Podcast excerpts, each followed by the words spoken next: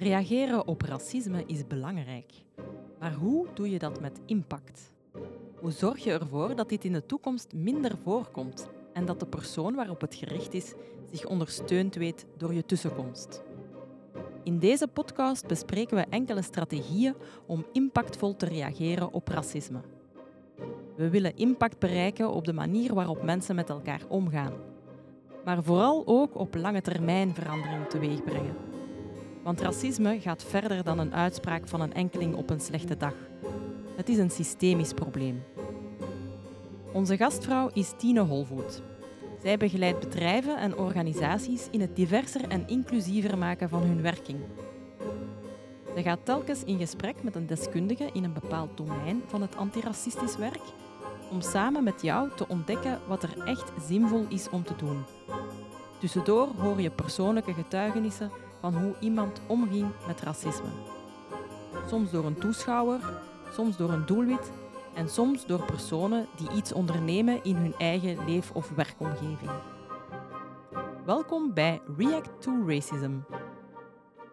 Hallo iedereen, fijn dat u luistert naar deze nieuwe aflevering van de podcast React to Racism. Mijn naam is Tine Holvoet en mijn gasten in de studio is mevrouw Eva Dirks. Welkom. Vandaag bespreken we antiracistisch opvoeden. En laat dat nu toevallig zijn of ook niet, maar u bent mede-auteur van een onlangs verschenen boek dat helemaal past in het thema van deze aflevering. Sst, dat mag je niet zeggen. Dat is de titel. Maar vertel ons er vooral alles over. Merci dat hier mocht komen vandaag, om te beginnen al. Sst, dat mag je niet zeggen, is een boek voor ouders, professionals en iedereen die met jonge kinderen in aanraking komt, eh, waarin dat we ingaan op hoe we antiracistisch opvoeden, maar ook genderbewust, antivalidistisch en zo verder. We richten daarbij vooral op, uh, op jonge kinderen, omdat we merken dat er wel veel uh, onderzoek en veel ondersteuning voor de oudere kinderen voorzien wordt in Vlaanderen, maar eigenlijk voor kinderen tussen 0 en 7 jaar die worden vaak in dat, in dat onderzoek en in dat debat een stukje genegeerd. Hè. Die worden daar vaak buiten gelaten, omdat gedacht wordt, ja, die zijn nog veel te klein daarvoor, of die zijn daar niet mee bezig, die zijn onschuldig en schattig. We moeten ze daar toch niet mee lastigvallen. Maar ik zelf als kleuterleerkracht zat in een klas en we waren um, zelfportretten aan het tekenen met een aantal kindjes. En een van de kleuters vraagt mij, oh juf, geef eens het huidskleurpotlood door. En het was een zwart kindje, dus ik geef het donkerbruine potlood door. En zij zegt, maar juf, dat is toch geen huidskleur, dat is bruin. En ik, uh, ja, ik wist niet wat te doen. Ik, ik stond met mijn mond vol tanden. Ik voelde dat een belangrijk moment, want wat zegt dat over een kind dat huidskleur enkel dat zalmroze potloodje is? Wat zegt dat dan? Alleen vooral die kinderen met al die andere huidskleuren. Ik wou daar goed op reageren, maar ik verstijfde helemaal. Ik heb eigenlijk niet veel gedaan dan. En dan later in de leraarskamer vroeg ik dan aan de collega's, ja, hoe gaan jullie met zo'n dingen op? Heb je zo'n dingen ook al meegemaakt of was dat nu eenmalig is iets? En daaruit bleek dat eigenlijk iedereen heel veel voorbeelden kon geven, maar dat het antwoord daarop doorgaans was: je moet dat negeren. Je mocht dat niet zeggen tegen kinderen. Het is onbeleefd om daarover te praten. Ze hebben dat vast thuis gehoord. Dat soort ideeën werd dan in leraarskamers vooral doorgegeven, omdat er ook weinig kennis over was. Vanuit heel goede bedoelingen ook, voor de duidelijkheid. Vanuit heel goede bedoelingen kwamen die antwoorden. Maar niemand weet dus hoe daarmee om te gaan. En nu zelf als ouder, ik heb een blonde dochter van drie jaar. En zij ook um, is bezig met, ja, jongens en meisjes, hè, bijvoorbeeld.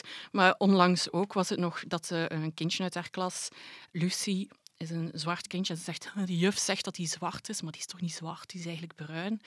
Uh, zo, hè, ze zijn die kleurenkennis aan het oefenen. En ondertussen wordt er dan zoiets tegenstrijdig. En dan ben ik wit, maar ik ben toch niet echt wit. Zo dat soort gesprekken zijn... Ja, ik vind dat super interessant. Ja, maar er zijn weinig handvaten of weinig... Ja, gevoel dat dat belangrijke momenten zijn voor het zelfbeeld van kinderen, voor het wereldbeeld van kinderen. Maar hoe gaat het daar in godsnaam mee om? Dat, dat vinden heel weinig. Dus dat, die kennis, internationale kennis vooral uit internationale literatuur, hebben we proberen bundelen uh, in dat boek. Mijn naam is Bachelora Kabea en ik ben een zwarte vrouw. Uh, zoals ik me ook graag noem, ik ben Afro-Belg.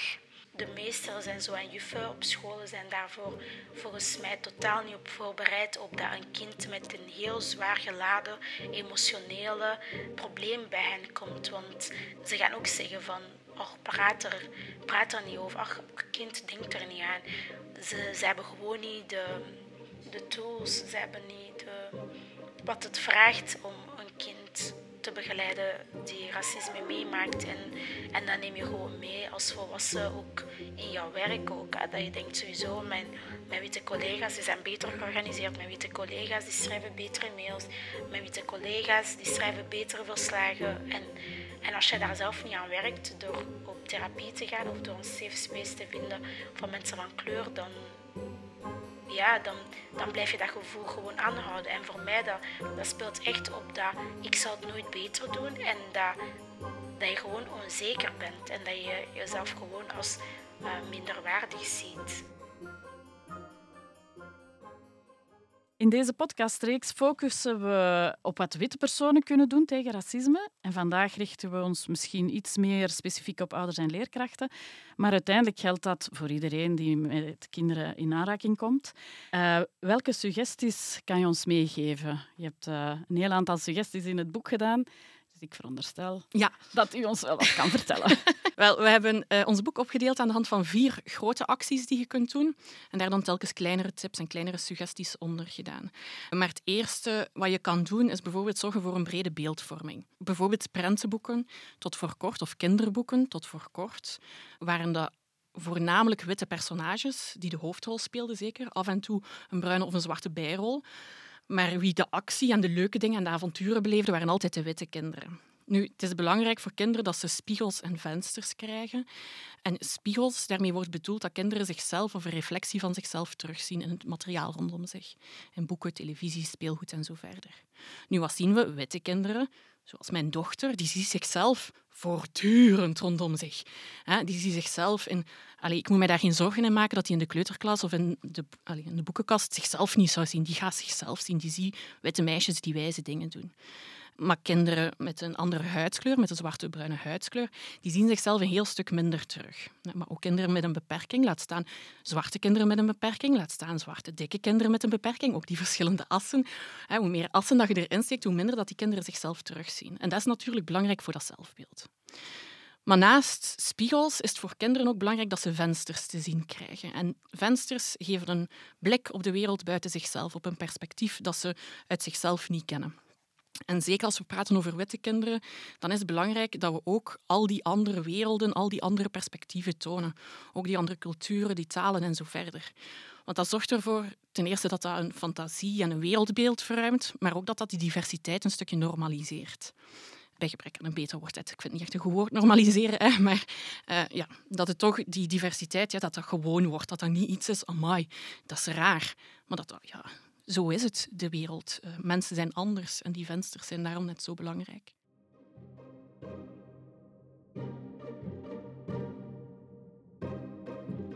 Ik ben Loes. Ik ben een witte vrouw van 31. Ik woon in Brussel. En hier in die grote stad voed ik mijn twee zonen. Laatst was ik ook Jeppa Janneke aan het lezen, dat ik echt achterover viel van wat daarin stond. Uh, dat is niet in de herwerkte Jeppa Jannekes, maar wel in die van vroeger, denk ik. Uh, over hoe dat de zwarte pop niet mooi was, uh, of nooit mooi was, of zoiets. En dan de, de blonde pop wel de mooie pop was en zo. Dat ik dacht, wauw, dat zouden we nu niet meer doen. Maar dat, die zijn wel nog in omloop, die boeken. En ik weet ook niet of dat ik op school zou... Ik zou niet op school vragen om die boeken weg te doen. Ik zou wel op school vragen van... Het zou misschien ook fijn zijn om andere boeken aan te bieden. Ik denk wel dat ik thuis de boeken zou wegdoen. Als ik me er echt niet meer in kan vinden, zou ik ze wegdoen, denk ik. Maar ik vind dat ook opnieuw, dat is op veel vlakken. Hè. Ik vind het belangrijk. Wij zijn thuis op, op veel vlakken heel klassiek met een mama en een papa en dan twee kindjes. En dat mag in de boeken voorkomen, maar we hebben ook boeken waar dat een kindje twee papa's heeft. We hebben ook heel veel boeken met kinderen van kleur. En dat resoneert alleen maar met zijn wereldbeeld of met zijn school of wat hij daar ervaart.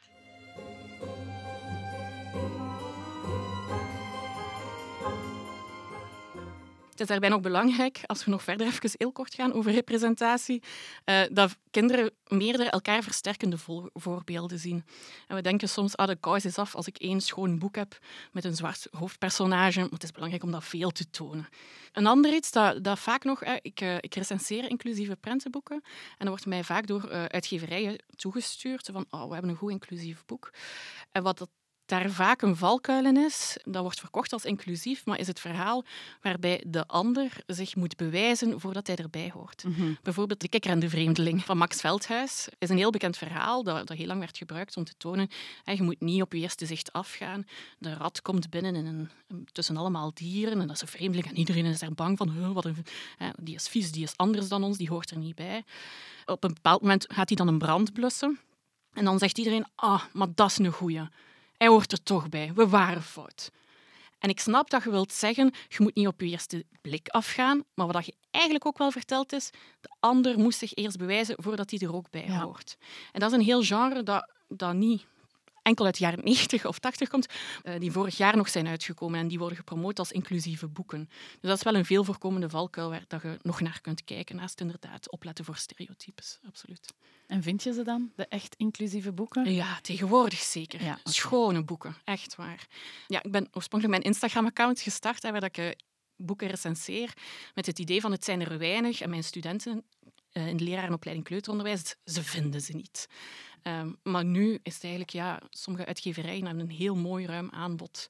Ja, ik denk dat dat wel interessant is en belangrijk is Ja. voor de luisteraars ook van onze podcast om dat te weten Ja. en daar naar op zoek te gaan. Ja, Ja. en hetzelfde ook, hè, als ik nog even over ouders gaat, over prentenboeken, maar ook televisieseries. Hoeveel stereotypes en foute verhaallijnen dat er nog sluipen in, in de kinderseries. Eh, in, in, in onze boek hebben we het bijvoorbeeld over Kabouter Plop en Smal en eh Kwebbel, zijn daarbij de vrouwelijke personages. Ja, wat voor boodschappen en wat voor beelden geven we mee aan onze kinderen? Ja, dus dat was de tweede Inderdaad. actie. Op naar drie. De derde actie, dat gaat over actie voeren samen met uw kinderen. En dan heb ik heel mooie voorbeelden van leerkrachten die bijvoorbeeld uitgeverijen, maar ook zo, je hebt zo ehm, ja, handelaars van didactisch materiaal, die verfbussen voor op scholen en, ehm, en meubels en zo verkopen. Zalmrozen staat er dan nog in de catalogus, staat er huidskleur geschreven. En dan heb je goede leerkrachten, die ik heel graag zie, die eh, schrijven of bellen of mailen naar de uitgeverij van zeg, huidskleur, huidskleur. Hè. Dat is toch niet hoe het is, feitelijk. Hè. Supergoed dat leerkrachten dat doen. Blijf dat vooral doen. Maar wat ik nog wel heel tof vind, en een stap verder, is om daar de kleuters bij te betrekken. En zo was er een voorbeeld, een Amerikaans voorbeeld, waarbij een kleuterleerkracht de pleisters op een kleuter plakte na de speeltijd. En daar stond op huidskleur. En die kleuter zegt, maar dat is toch niet huidskleur, dat is toch niet mijn huidskleur? Ah, zegt de juf, dat is inderdaad juist, dat is niet uw huidskleur. Wiens huidskleur zou dat zijn? En dan gaan ze naar de kring en dan kijken ze, oh, dat is uw huidskleur niet, uw huidskleur niet. Eigenlijk maar van heel weinig kinderen echt exacte huidskleur. Wat heeft zij gedaan? Ze heeft een brief geschreven samen met de kleuters om te zeggen, dit klopt niet, dit is niet huidskleur, kan je dat iets aanpassen? Het Amerikaanse bedrijf zei, ah, goede marketingstunt, hoogstwaarschijnlijk. Eh, en die hadden het waarschijnlijk klaarstaan als we realistisch denken. Maar die gaven ehm, eh, doorzichtige pleisters Ja. uit. En die zeiden, ah, voor jullie ook eh, een pakketje meegestuurd nog. Bedankt om ons daarop te wijzen. Nu, ook als ouder is dat iets dat je kunt doen, hè, wat ik ook wel voorstander van ben. Zeker bij oudere kinderen ook. Ken ik een ouder ook die thuis een brievenschrijfstation heeft, waarbij dat ze, hè, er ligt dan papier klaar en eh, balpennen en enveloppen en zo. Waarbij dat ze samen met de kinderen ook ehm, zegt als ze iets oneerlijk tegenkomen. Bijvoorbeeld eh, ehm, mensen die zonder huis eh, zijn.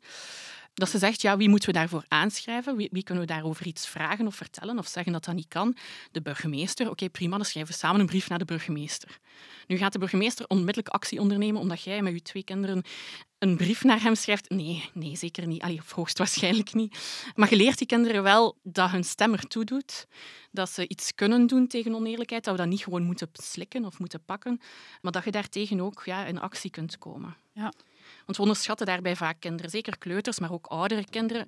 Kinderen zijn prima in staat om oneerlijkheid te herkennen en benoemen en daartegen ook ja, een standpunt in te nemen. Ja. En dat is eigenlijk iets dat we meer moeten promoten, denk ik, of meer moeten stimuleren, dat kinderen ook ja, op hun manier iets doen om de wereld, om die oneerlijkheid die ze zien, daar actie tegen te ondernemen. Is het niet eerst naar zichzelf vooral dat er veel oneerlijk is? Kunnen ze het gemakkelijk zien als het bij anderen gebeurt? Ja, er, er een- zit daar inderdaad een lijn in. Hè? Bij, bij de allerjongste kleuters, hè, rond drie jaar, bij mijn dochter zie je dat bijvoorbeeld al, die begint eerlijk en oneerlijk te herkennen. Vooral bij de anderen, inderdaad. Hè. Monopoly of zo, of een spelletje. Als een ander iets oneerlijk doet, dan hebben ze het gezien. Als ze het zelf doen, mm, soms. um, maar die eerlijkheid en oneerlijkheid benoemen, hè, dat, dat, stimuleren en dat samen ook als we naar televisie kijken, oei, dat is niet eerlijk hoe die getoond wordt. Dat ook benoemen is inderdaad het eerste stap rond vijf jaar, afhankelijk van taal, uh, wat ze kunnen, de vragen die ze hebben en zo verder, kan je al moeilijkere woorden zoals stereotypen bijvoorbeeld uh, aanleren samen met de kinderen. Uh, stereotypen is een moeilijk woord, hè, maar veel kleuters kunnen ook al heel wat dinosaurussen zeggen, bijvoorbeeld. Beter dan wij. Um, dus kinderen zijn er prima toe in staat. Hè. Een stereotype, een beeld dat veel wordt getoond, maar dat niet juist is over mensen. Eh, dus dat leren zien, herkennen, benoemen kan rond vijf jaar. En dan rond acht jaar ongeveer, afhankelijk van de context, opnieuw vroeger of later, en gaan we ook het leren benoemen en herkennen van racisme. En daar is dan ook die oefening met de kinderen om uh, op het juiste moment dat te benoemen. Want als je te veel zegt dat is racistisch, ja, dan gaat dat ook, dat pakt ook niet. En het haalt een beetje de kracht van het woord af. Maar het op het juiste moment leren zeggen en benoemen en herkennen is wel iets heel krachtigs. En wat kinderen van kleur tegen, allee, helpt beschermen, een stukje een beschermjas geven. Maar wat ook witte kinderen als bondgenoot, eh, als vriend, als medestander van kinderen van kleur, wat hen wel een stukje sterker maakt daarin ook. Ja, er ligt er wel heel wat verantwoordelijkheid bij een leerkracht. En u geeft les aan uh, leerkrachten in SP. Ja. Maar niet alle leerkrachten hebben bij u les gevolgd. Oh, Frit. Spijt. Ja. Ik bedoel, ja, dat, dat vraagt toch heel veel ook van een leerkracht, waar er heel veel van gevraagd wordt. En niet iedereen is even hard met dat thema bezig. Uh, is het voldoende om dan uw boek te lezen? uh, ja, of, of, dat, dat voldoende is, dat durf ik niet zeggen. Maar het is, het is wel degelijk... Allee, het is geen extraatje voor mij. Hè. Het antiracistisch opvoeden in het boek, hè, we, benoemen, we benoemen dat ook in ons slotwoord, van, het voelt soms als weer al het zoveelste, ook op het ouderschap, dat er nog eens bovenop komt. We moeten al zoveel. Maar eigenlijk is het basis. Hè. We willen dat kinderen een sterk zelfbeeld hebben, zeker die van onszelf, maar alsjeblieft ook alle anderen. Toch, als andere kinderen hebben er evenveel recht op. We willen dat kinderen verdraagzaam zijn, respect hebben, vrienden kunnen maken. Het is op zich een stukje basis van ouderschap en van leerkrachtschap ook. We zien soms leren en zorgen als twee tegenovergestelde zaken, maar eigenlijk is dit allemaal basis van zorgen, opvoeden. Het is de taak van elke ouder, elke leerkracht. Dat klinkt nu misschien allemaal ook wel heel groot, hè, want het zijn nu al drie acties en die klinken allemaal heel groot, weet ik wel. Maar het gaat vaak om heel kleine zaken. Uh, zien, uh, benoemen en zo verder. En ja, ik denk ook dat we tegenover onszelf uh, voldoende streng en kritisch moeten zijn. Hè, dat witte mensen lang genoeg niet hebben gezien wat er eigenlijk uh, de impact is op het zelfbeeld en het wereldbeeld van kinderen. Ik denk dat we daar voldoende streng voor moeten zijn voor onszelf, maar tegelijkertijd ook een stukje mildheid. Een stukje, ja, we zijn allemaal lerende en zoekende en oh, ik weet het ook niet allemaal. Uh, ik doe maar iets en uh, ik doe mijn best, hè, absoluut. En ik lees mij in en ik, dat doen wij allemaal, denk ik, best van onze mogelijkheden. Um, en, en, dat is maar wat je kunt doen, denk ik. Uh, en we maken fouten, want laat dat ook duidelijk zijn. Fouten maken hoort erbij, ook bij heel dit proces.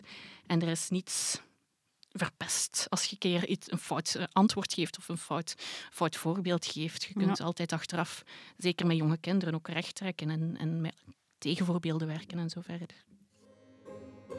ik ga nu niet, want dat is veel makkelijker voor mij om de namen van de witte kinderen te onthouden uit zijn klas. Dat spreekt voor zich. En ik voelde al die eerste week dat vroeg, ah, en heb je met Noah gespeeld en heb je met Felix gespeeld? En toen dacht ik, oh Loes, nu ga je ook die andere namen bekijken. En heb ik echt een lijstje gemaakt met de, ah ja, ook nog Redouan en Saidali en namen die zo minder voor de hand liggen. En dat wil ik echt elke dag als ik aan hem vraag, en heb je met die gespeeld? Of wat heeft die vandaag gedaan? Of zo, als we spelletjes spelen rond de kindjes van zijn klas, dat ik ook die benoem, dat hij niet zo ook onbewust gestuurd wordt, als die met Duplo speelt en met die Duplo-mannetjes en die geeft die allemaal namen, dan is dat nooit zo Emma en Jules of zo, maar is dat altijd zo de grootste mix van namen dat je kunt inbeelden. En dan ben, vind ik wel super fijn dat zijn wereld wel zo is. De vierde actie, dan is het gedaan. we zijn er klaar voor. Oké, eh, de vierde actie is uh, de minstsectie. We beginnen ermee in het boek, maar ik, ik heb het nu tot het einde gehouden, redelijk bewust. Dat het begint bij uzelf. Dat we allemaal wel graag leuke prentenboeken kopen, denk ik. Of graag uh, leuke televisieseries zoeken, uh, gesprekken starten tot daar en toe. Maar eigenlijk is het allemaal, ja, begint het bij wie dat jij als ouder zijt. Uh, wie dat jij als ouder, wie zijn uw vrienden? Waar ga jij naar de bakker bijvoorbeeld? Naar welke supermarkt ga jij? Um, wat zijn uw privileges? Wat zijn uw eigen vooroordelen? Die een stukje kunnen herkennen, is een hele belangrijke voordat we verder gaan naar, naar het feitelijk met kinderen aan de slag gaan. En niemand van ons, hè, want het is een beetje een misleidende titel, denk ik ook wel soms opvoeden uh, zonder vooroordelen. Ieder van ons heeft vooroordelen. Helemaal weg krijg je die nooit van zijn levens.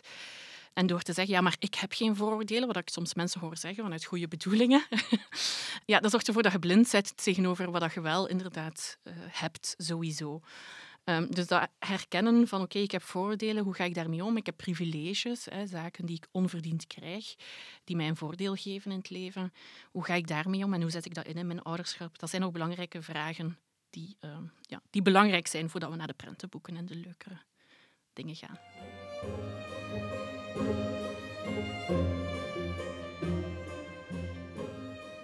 Ik heb het ook wel benoemd tegen de andere witte ouders als observatie. Dus de ouders van wie dat de kindjes waren, ik zei, ah, ze komen wel goed overeen. En ja, ja, Ik zei, dat is wel opvallend. Ze zeiden, ja, maar dat is waarschijnlijk gewoon, dat is gewoon taal, omdat die alle twee Nederlandstalig zijn, uh, dus elkaar gemakkelijk vinden. Ik heb toen ook wel de reflectie gemaakt, zou dat een rol spelen wat hij van ons ziet? Als in, onze vriendengroep is ook wel voornamelijk een witte bubbel. Je verandert ook je vriendengroep niet op slag natuurlijk. Ehm, dus ik vond dat ook wel confronterend om over na te denken. Maar ik, ik, heb er ook wel vertrouwen in op school, dat ze dan daar heel bewust mee omgaan. En ik vind dat ook heel fijn van de school, dus dan wel in spelletjes of in opdrachten wel weer beginnen mixen. Hij mag ook wel gewoon de vriendjes maken waar dat hij maakt. Ik zou dat wel heel jammer vinden, als die alleen maar met de andere witte kindjes speelt dat is niet de bedoeling. Ja. Naima Sharkawi, die heel goede boeken heeft geschreven, mhm. die ik absoluut aanraad, die spreekt ook over racismewijsheid, wat wij een beetje opentrekken naar diversiteitswijsheid, want het gaat op alle vlakken. Maar in het kader van deze podcast ook racismewijsheid, inderdaad, is dat kunnen zien van racisme rondom u, dichtbij of veraf. En daar past op ja, weten hoe dat je daarop kunt reageren, of wat verboden of illegaal zelf is en wat niet. En hoe, zo die kennis daar rond, wat zijn vooroordelen, wat zijn stereotypes ja, veel mensen van kleur inderdaad zijn daar ook, hebben daar ook weinig kennis van. Maar dat helpt ook wel om een stukje jezelf te beschermen. Dus hè, als je dat wel kunt zien, als je dat wel kunt herkennen. Uh, dus absoluut, ik merk in mijn omgeving zeker de ouders van kleur even hard met deze vragen zitten, even hard aan het zoeken zijn hoe voer ik dit gesprek nu juist. Dus ons boek is eh, ook voor iedereen geschreven, voor ouders uh, van kleur, voor witte ouders, voor ouders met een beperking en zo verder. Omdat iedereen wel een stukje diezelfde vragen heeft. Altijd natuurlijk vanuit een ander perspectief en andere moeilijkheden soms. Maar het is wel dat, dat we zoeken is niet eigen aan enkel witte ouders of enkel middenklasse ouders. Voor elk van ons uh, zoeken, denk ik. Ja. ja, in de getuigenis horen we dat ja, een mevrouw in Brussel op zoek gaat naar een school voor haar kinderen. En dat er uh, argumenten worden gebruikt om haar te overhalen om te komen, zoals onder andere, ah, maar bij ons wordt er enkel en alleen Nederlands gesproken in de klas, op de speelplaats. Wat moet die mevrouw met die informatie? Terwijl ze zelf, naar mijn gevoel, meer op zoek was naar een school die toelaat om al die verschillen te laten zijn en dat haar kinderen ook andere talen zouden kunnen oppikken, wat verder niks afdoet aan... Uh, aan uh, het feit dat de kinderen Nederlands krijgen en leren en dat ook goed leren en krijgen op alle scholen. Ja, ik denk dat die mevrouw zich goede vragen stelt bij het kiezen van scholen. Dat was ook een van de vragen die ik ook stelde toen als ik op scholentour ging, inderdaad. Spreken ze hier Nederlands op de speelplaats of mogen ze hier alle talen spreken? ook een vraag over Zwarte Piet gesteld. Hè. Wat, wat, is uw visie daarop of hoe gebeurt dat hier? Omdat die kleine dingen, hè, want er wordt door scholen heel veel in de visie gezegd, iedereen heeft talenten, iedereen is uniek, we waarderen diversiteit. Maar in de realiteit merken we dat dat toch nog uh, heel anders is. En zo'n kleine praktische zaken tonen dat vaak aan. We weten uit veelvuldig Vlaams goed onderzoek van onder andere uh, Orhan Agierdag en Piet van Avermaat dat meertaligheid op school aanmoedigen, dat dat een voordeel is voor, uh, voor alle kinderen. Voor kinderen die thuis Nederlands spreken, hè, is het ongelooflijk om met die taal in aanraking te komen, om die vensters op de wereld ook te krijgen. Maar ook meertalige kinderen leren beter Nederlands, maar leren ook de thuistaal, de moedertaal, de taal van een familie, van een roots, wat op zichzelf gewoon al belangrijk is. Los van dat het ook een extra kapstok kan zijn om het Nederlands te leren. Dus dat toelaten op school is voor mij een evidentie. En ik hoop dat dat heel snel een evidentie gaat worden. En dat lijkt mij inderdaad een goede manier zelf om te kijken, is aan school die past binnen mijn visie of niet? Hoe kijkt hij naar kinderen die anders zijn dan de witte Nederlandstalige middenklasse norm inderdaad? Hoe gaat hij daarmee om? En als je de school niet kan vinden, kan je dan uh, ja, een soort brugfiguur ook proberen zijn zelf, door leerkrachten? Of... In mijn omgeving zijn er veel ouders die inderdaad in, in oudercomité's staan en, en op die manier proberen info door te geven en proberen verandering teweeg te brengen. Dat is zeker iets, als je daar energie en, uh, en als je dat kunt, moet je dat doen. Inderdaad, is dat zeker een goede manier om verandering teweeg te brengen. Ja, dat denk ik wel. Oké, wie zich geroepen voelt, hou je niet tegen. Ja, bedankt Eva voor dit fijne gesprek. En misschien willen de luisteraars nu nog wel weten waar ze jou kunnen vinden op Instagram, waar ze jouw boek kunnen kopen. En waar ze misschien speelgoed kunnen vinden of boekjes kunnen vinden. Yes. Um, je kunt mij vinden op uh, Instagram onder de klas van Eva. Uh, waar ik dus inclusieve prentenboeken recenseer en af en toe wat info ook geef. Het boek geschreven met co-auteurs Kato uh, en Zarissa vind je in alle goede boekhandels. Ben je nu nog op zoek naar inclusief speelgoed, naar prentenboeken en zo verder? Onze co-auteur Zarissa heeft een geweldige online webshop waar ze allerlei van die zaken uh, ter beschikking stelt en ook recenseert. Dat heet Cargo Confetti. Uh, kan ik heel dik aanraden. Oké, okay, super. Dankjewel. Dit was React to Racism, een podcast van Avanza Oost-Brabant, Orbit VZW en Winda Kitoko in een productie van Alles Podcast. Deze podcast werd ook mogelijk gemaakt dankzij de steun van de federale staatssecretaris voor gelijke kansen. Wil je meer weten over hoe je kan reageren met impact? Luister dan zeker naar de vier andere afleveringen. Je vindt ze samen met nog veel meer informatie op de website reacttoracism.be. Bedankt om te luisteren en heel graag tot een volgende keer.